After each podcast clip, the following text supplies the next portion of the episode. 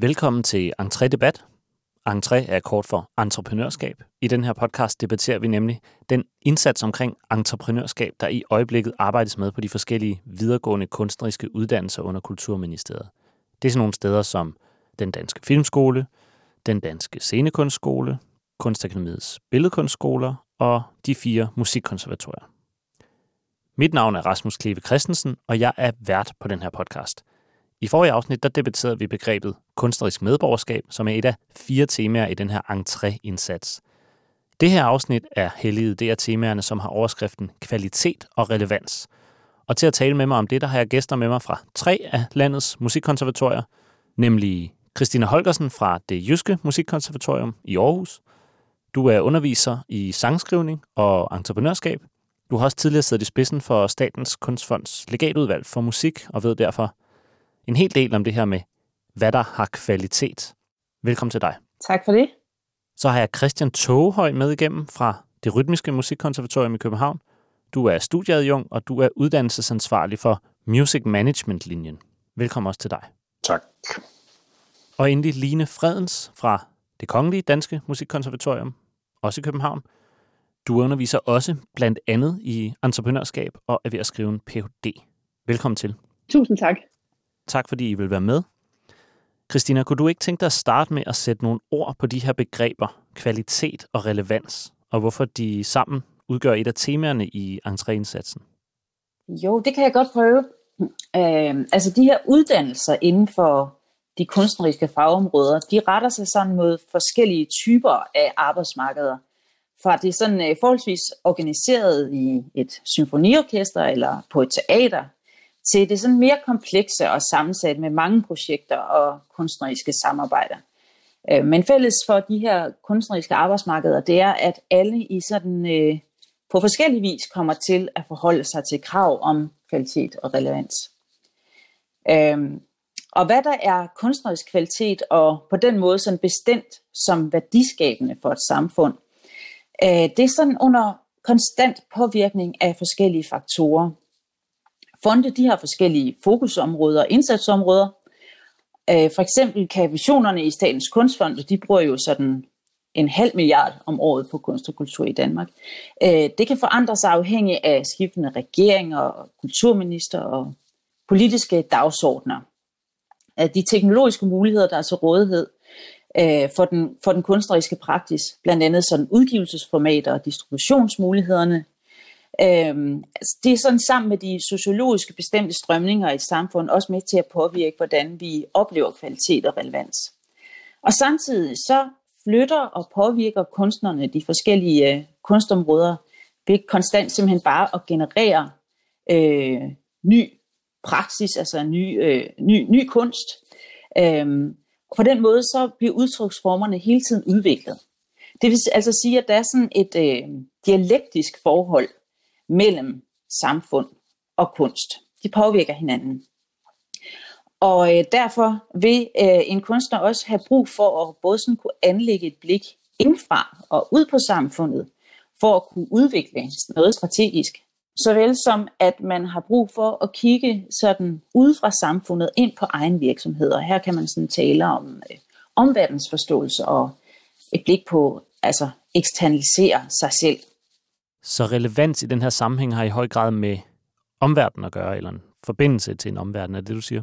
Ja, altså hvis man nu tager et stykke musik, så vil det øh, jo for nogen være, øh, hvis vi nu tager en popsang, så vil den for øh, en, en stor mængde unge mennesker måske øh, have kvalitet og relevans, hvor at den vil måske i en øh, mere sådan øh, institutionel ramme øh, ikke betragtes som kvalitet. Men øh, der vil det måske være et helt andet stykke musik, man vil tillægge kvalitet og relevans. Så på den måde, så, øh, så er det øh, konteksten, som ligesom afgør, om noget har kvalitet eller relevans, ja.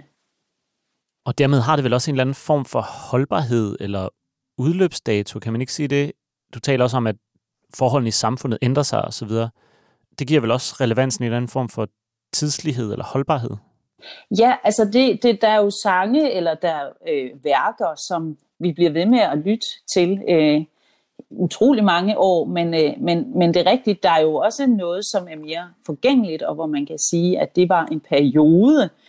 Øh, nu har jeg jo siddet sådan på den anden side af bordet, og skulle være nogle af dem, der vurderer, hvad der er kvalitet og relevans. Sådan udpeget som, som ekspert, kan man sige, inde i Statens Kunstfond. Nu sidder jeg i noget, der hedder øh, øh, Nordisk Ministerråds øh, kunst- og kulturprogram.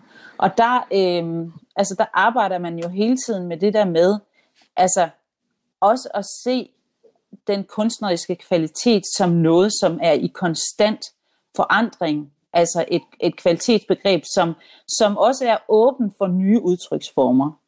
Fordi man måske altså, lynhurtigt kan komme til at lukke det omkring en institution eller omkring en fond, hvad der er kvalitet. Men det er altså vigtigt, at man stadigvæk holder det her smidigt og åbent, hvad der vurderes som kvalitet. Er der slet ikke noget, som er evigt relevant, som altid vil have kvalitet?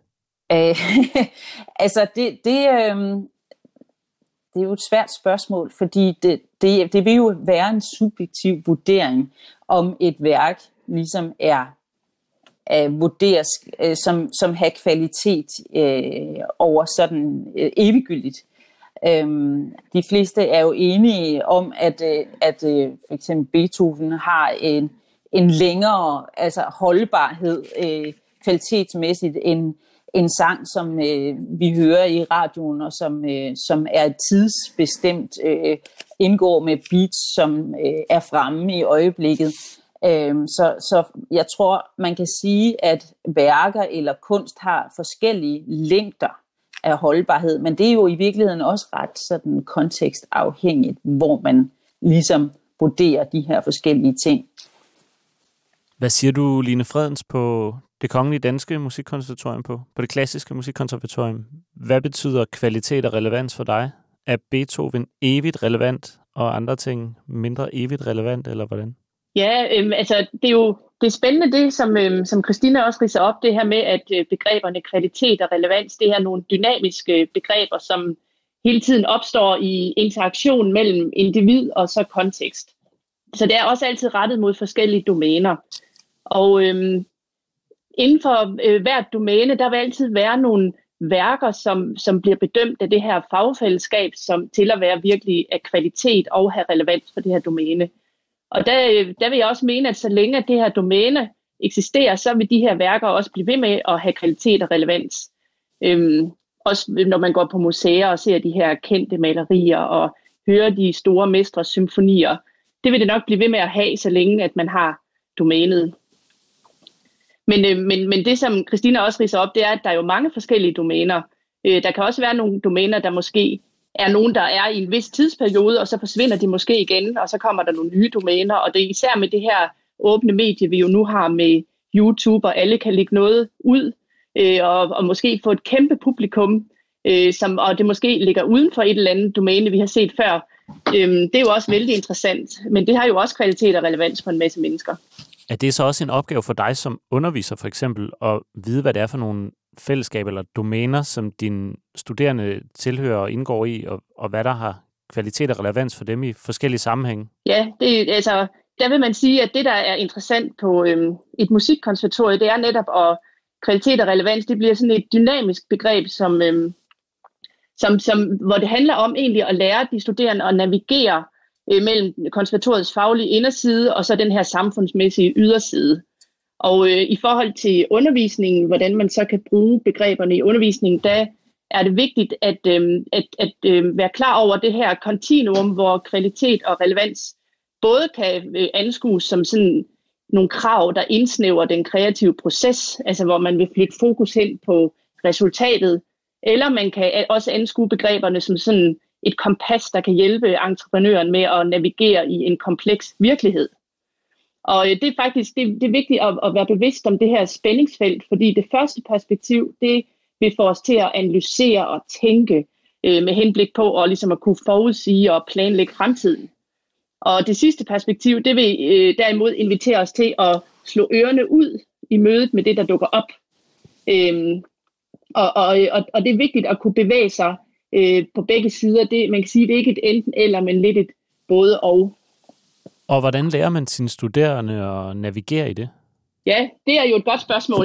Det er det, er det der er hele udfordringen. Og øh, altså, man kan jo egentlig sige, at en, der har indfanget det her øh, problemfelt eller spændingsfelt på en virkelig fin måde, det er H.C. Øh, Andersens øh, eventyr om, øh, om Klodshals. Og han øh, fortæller om øh, de her store brødre, der er på vej hen til prinsessen og har hovedet fuld af viden, hele telefonbogen, så de opdager ingenting på vejen derhen, og lige så snart prinsessen åbner munden, kan de ikke svare på hendes lidt overraskende spørgsmål. Men øh, Klodshans derimod, han er hovedet helt tomt, og øh, det gør, at han kan nyde øh, vejen hen til prinsessen og få øje på alle de her værdifulde. Han kan se værdien i de ting, han får øje på undervejs, og tager det op, og han kan bruge det aktivt, og han kan svare på prinsessens spørgsmål og vinder det halve kongerige.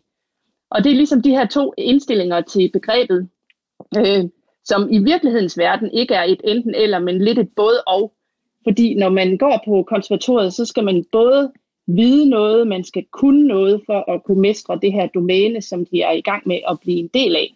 Men samtidig, så skal de også lære at kunne bruge det, som de har lært i samspil med den omverden, som de egentlig både de formes af omverdenen, men samtidig så former de den også tilbage igen. Og det kræver jo netop det her forhold med, at man både kan tænke og planlægge og analysere, men samtidig også være indstillet på en overraskelse i mødet med det, der dukker op.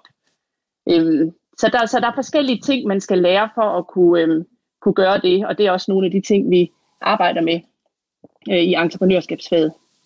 Hvad med dig, Christian Toghøj, på det rytmiske musikkonservatorium? Kan du ikke genkende til den her klodshans-analogi i forhold til et begreb som kvalitet?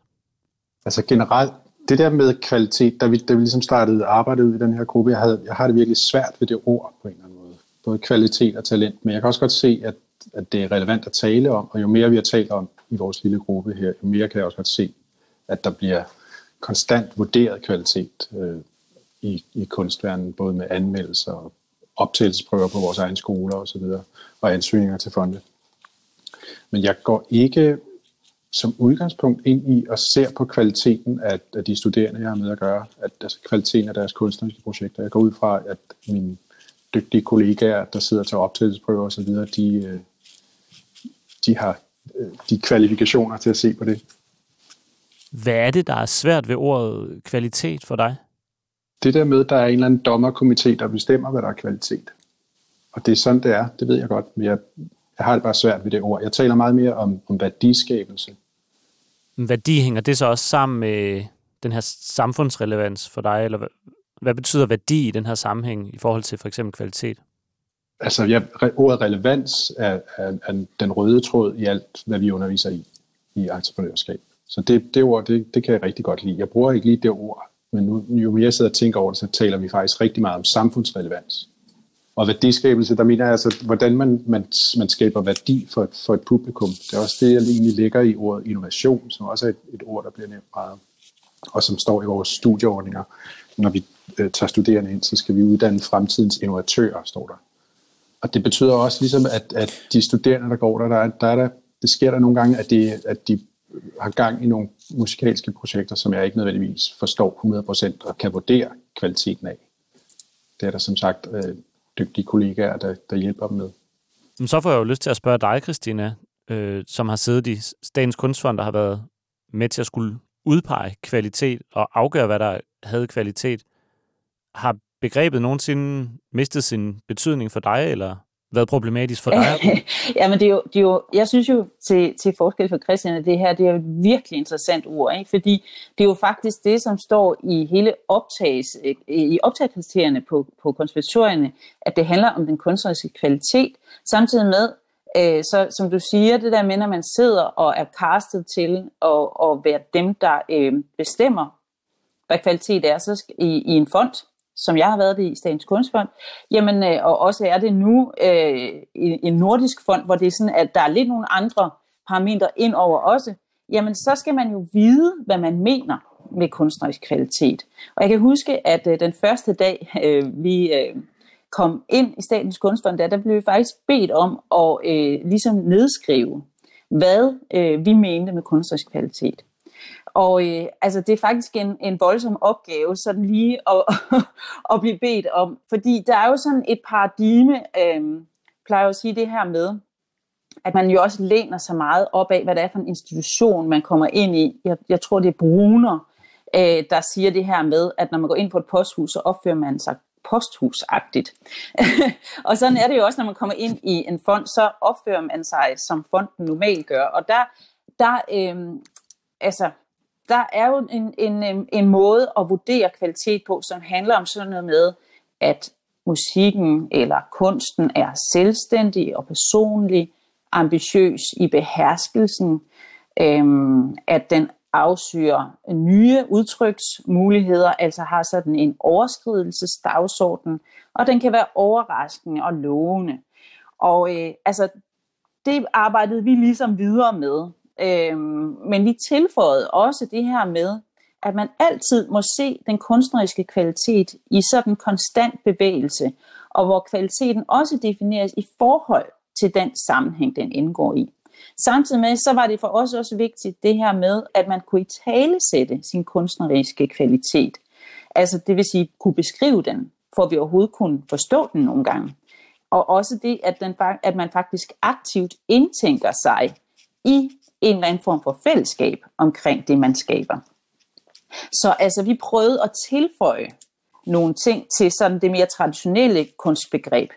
Men det er jo også et begreb, som er, øh, som er til diskussion de her år. Netop fordi, at vi jo begynder at få mere, øh, altså en, en mere blandet, øh, mangfoldig øh, sammenstilling af mennesker i Danmark, og det betyder så også, at man selvfølgelig skal kigge på øh, mindretal, øh, majoriteter, det kan være, at man skal kigge på på øh, en geografisk spredning, som der også ligger i, i Statens Kunstfond, for eksempel, at man skal kigge på. Så der kan være forskellige parametre ind over et kvalitetsbegreb, som man også skal tage stilling til. I Nordisk Ministerråd, hvad sidder nu, der er der for eksempel sådan nogle ekstra dagsordner, som handler om øh, altså bæredygtighed og børn og unge, ligestilling, samarbejde på tværs af landegrænser i Norden. Så på den måde så er kunstbegrebet nogle gange influeret af andre begreber. Hvad siger du, Christian, når du hører Christina sætte nogle af de her ord på, at der er mange parametre for, hvad der kan være kvalitet, og det også er vigtigt for de studerende at kunne i tale sætte deres egen kvalitet. Det er fuldstændig enig og det synes jeg også er noget af det mest interessante, når man så søger hos Statens Kunstfond, altså at man skal, at der bliver vurderet af evnerne øh, til at i tale sætte egen kvalitet. Og så synes jeg, det er interessant, det der øh, relevansbegreb i forhold til, hvad Christina lige sagde. Altså, at der, at der i nogle fonde ligesom er, er en række formål, øh, som der bliver vurderet ud fra. Altså, hvor man kan sige, der, der er sat nogle relevans, øh, relevansen ligesom skrevet op i nogle formål, og så bliver kvaliteten vurderet ud fra de formål. Har jeg ret i det, Christina?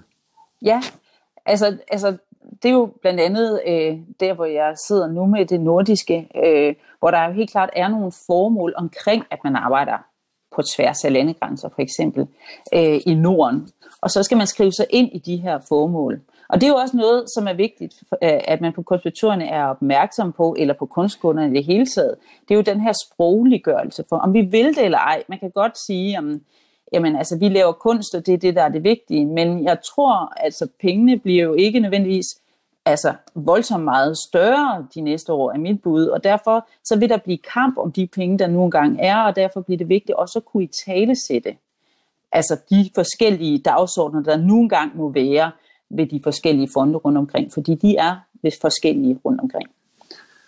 Jeg tænker også, når, når vi taler om samfundsrelevans i, øh, på vores skole, så, så, så bruger jeg også tit netop de formål, eller de, altså de kriterier hos en fond til ligesom at, at vise de studerende, at man godt kan blive inspireret øh, til at gøre projekter både bedre og, og større mulighed for at finde et publikum i sidste ende. Altså at bruge, bruge den relevans, der er sat op fra for eksempel en fond, til faktisk at blive inspireret til at gøre projekter mere samfundsrelevante. Line, når du underviser i entreprenørskab på det Kongelige Danske Musikkonservatorium, er det så også nogle af de her kriterier og parametre, som du diskuterer med dine studerende, eller som du prøver at give dem viden om, eller hvad man skal sige?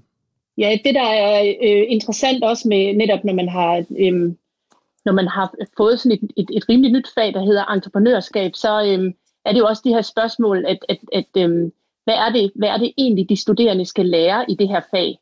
Og det er jo det her med at kunne øh, skabe sig en bæredygtig fremtid og skabe sin egen fremtid. Og der er det også vigtigt det her med at kunne forholde sig til en omverden og nu lige i forbindelse med det, jeg lige hører Christina og Christian også snakke om, der synes jeg også, det er, øh, det, det er meget interessant i forhold til den her øh, røde tråd, der har været i, øh, i forskningen omkring kreativitet, hvor man jo har lagt ud med at kigge på kreativitet som sådan en individuel egenskab iboende i et menneske, eller en kognitiv egenskab i personen, øh, hvor den, den sidste tilgang, øh, som har været i gang her siden 70'erne, det er jo et mere sociokulturelt øh, perspektiv på kreativitet.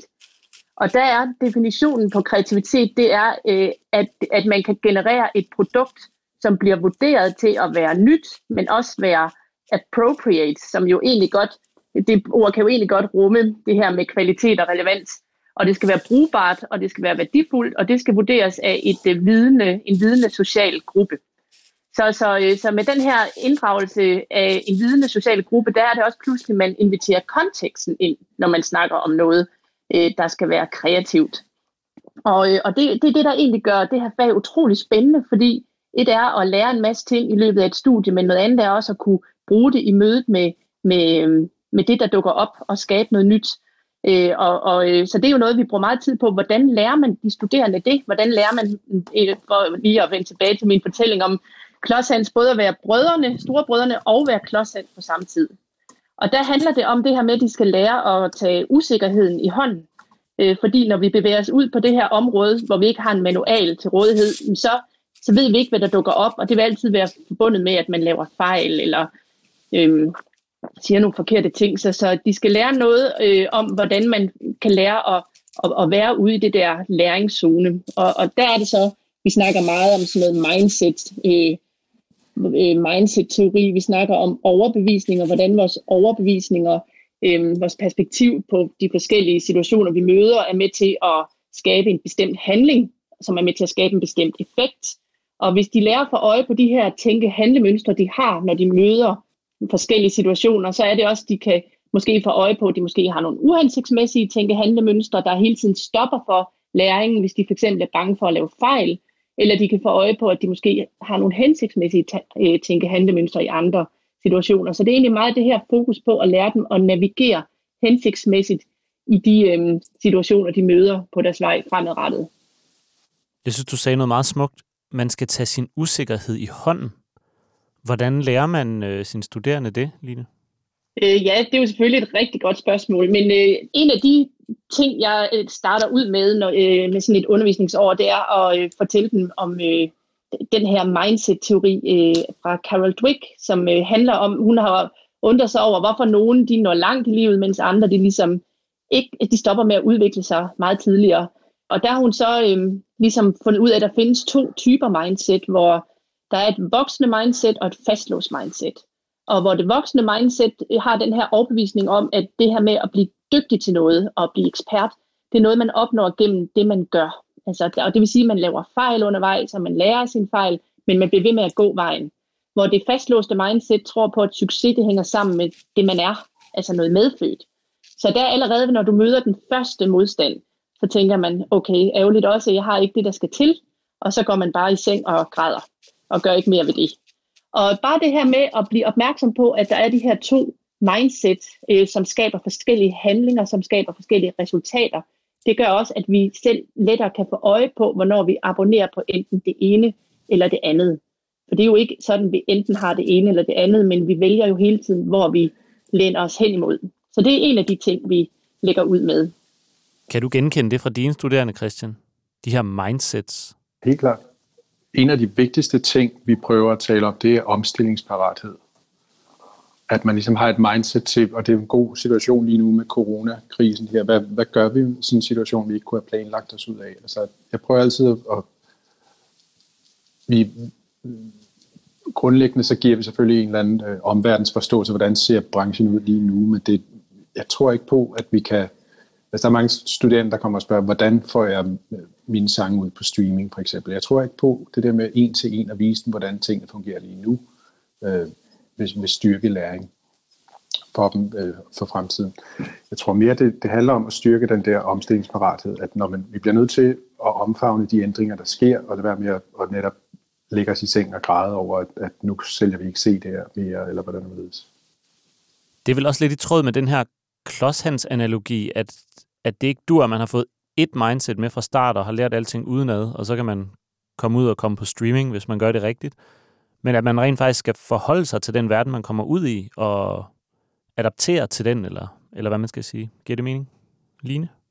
Ja, og det passer også rigtig godt i, øhm, der er forskellige tilgange, når man underviser i entreprenørskab, hvor man enten kan have den her kausal tænkning, hvor det handler om at øhm, arbejde med forudgivende mål, eller også så kan man have den her effektuelle øh, tænkning eller tilgang til entreprenørskab, som, øh, som handler om at tage afsæt faktisk i det, man allerede har, de midler, man allerede har, og så med dem udvikle strategier og indhold, mens man Men jeg synes jo, altså altid det egentlig er et både og. Det her, det var også det, du er inde på tidligere, Line. Øh, og du siger det jo også, Christian, i forhold til det her med, at man prøver at sige til de studerende, nu er der de her forskellige rammer, altså nu har den her fond det her, Øh, øh, altså, altså det her værdisæt, så prøver vi at skrive ind i det, og det er ikke nødvendigvis gør den frie kunst dårligere at tænke sig op imod et samfund. Altså at der også er nogle, nogle mål for en fond, eller der er nogle mål derude, som, som man spiller ind i, men at man stadigvæk påvirker og går med sin usikkerhed ind i de der forskellige værdisæt, man møder derude, de forskellige kontekster. Og så rammer man på forskellige vis den virkelighed, der er.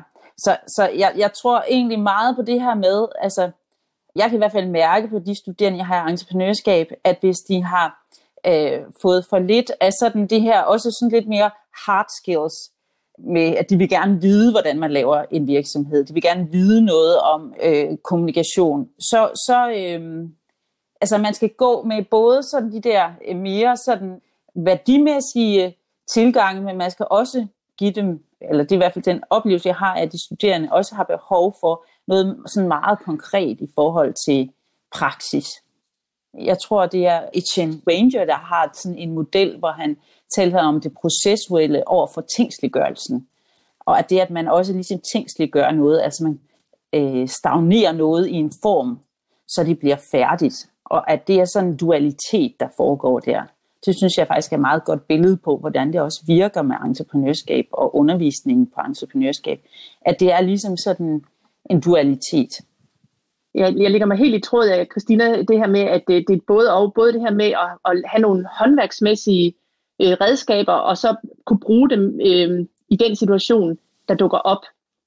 Og, øh, og, og, og øh, det er ligesom, hvis man skal øh, blive en dygtig violinist, så skal du både lære at kunne spille teknisk på dit instrument, men du skal også kunne udtrykke dig kunstnerisk igennem dit instrument. Og det er jo egentlig lidt det samme i entreprenørskab det, der ofte er udfordringen, det er at få de her to sider til at spille godt sammen. Altså på en eller anden måde, vores indre håndværkere, vores indre kunstner, de skal blive venner, så de kan få en god tur sammen.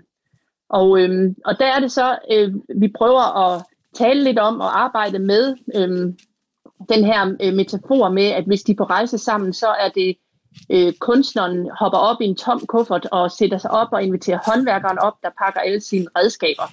Men det er kunstneren, der får kufferten til at flyve ud af vinduet i den retning, som hans imagination peger. Men når de møder problemer, så er det altså håndværkeren, der skal hoppe ud og hakke med sin spade og sin guidebog, for at de kan komme videre. Men, men det, der er vigtigt lige her, det er, at kunstneren ikke må falde i søvn, fordi så stopper kufferten med at, at flyve. Og, og, og det, der er vigtigt, og det, der tit er et problem, det er det her med, at vores håndværkere overtager tit styringen og vil bestemme vejen. Og vi glemmer egentlig at, at bruge vores imagination og forestilling til, hvad der kunne være, og hvor vi gerne vil hen. Vi meget, har meget lettere ved at, at vide, hvad det er, vi vil væk fra. Så, øh, så, så, så det er egentlig meget det der spændingsfelt, hvordan vi kan få de to til at mødes, når vi går ud, og øh, efter vi er færdige med vores studie, og at vi husker, hvad er det, vi gerne vil hen imod, og hvad er det, vi gerne vil have mere af i vores liv, og hvad er første skridt i den retning, og så netop har alle de her redskaber, vi kan trække frem, når der er behov for dem. Men det er ikke dem, der skal være den øverste kontekst. Så det er nok det samme spil, jeg tror er den største udfordring. Line, jeg elsker simpelthen de her eventyreksempler, du bliver ved med at diske op med. Øh, Klodshands, og så den her flyvende kuffert med håndværkeren og kunstneren i. Så jeg tror, jeg vil lade det stå som det sidste inspirerende sproglige billede i den her debat. Tak for det. Og tusind tak til alle tre, fordi I vil debattere det her emne i podcasten. Christina Holgersen, Christian Toghøj og Line Fredens. Selv tak. Selv tak, og ja, tak for, tak for det. spørgsmål. Øhm, Rasmus. og tak til dig, kære lytter, fordi du lyttede med. Jeg kan kun opfordre til, at du går ind på kaki.dk, caki.dk, under fanen entré. Her tilgår man hele den platform, kan man sige, der er bygget op omkring entréindsatsen. Og der er blandt andet sådan en wiki, der samler forskellige relevante teorier, som kan anvendes, når man udvikler på sin kunstneriske virksomhed. Og den kan også bruges som et opslagsværk, hvor man eksempelvis som underviser på en af de her uddannelser kan høste viden og inspiration. Entré Debat er produceret af Kaki, Center for Anvendt Kunstnerisk Innovation, med lidt assistance fra mig. Jeg hedder Rasmus Kleve Christensen. Jeg håber, du også vil lytte med i næste afsnit, hvor vi ganske enkelt debatterer kunstnerisk virksomhed. Vi høres ved.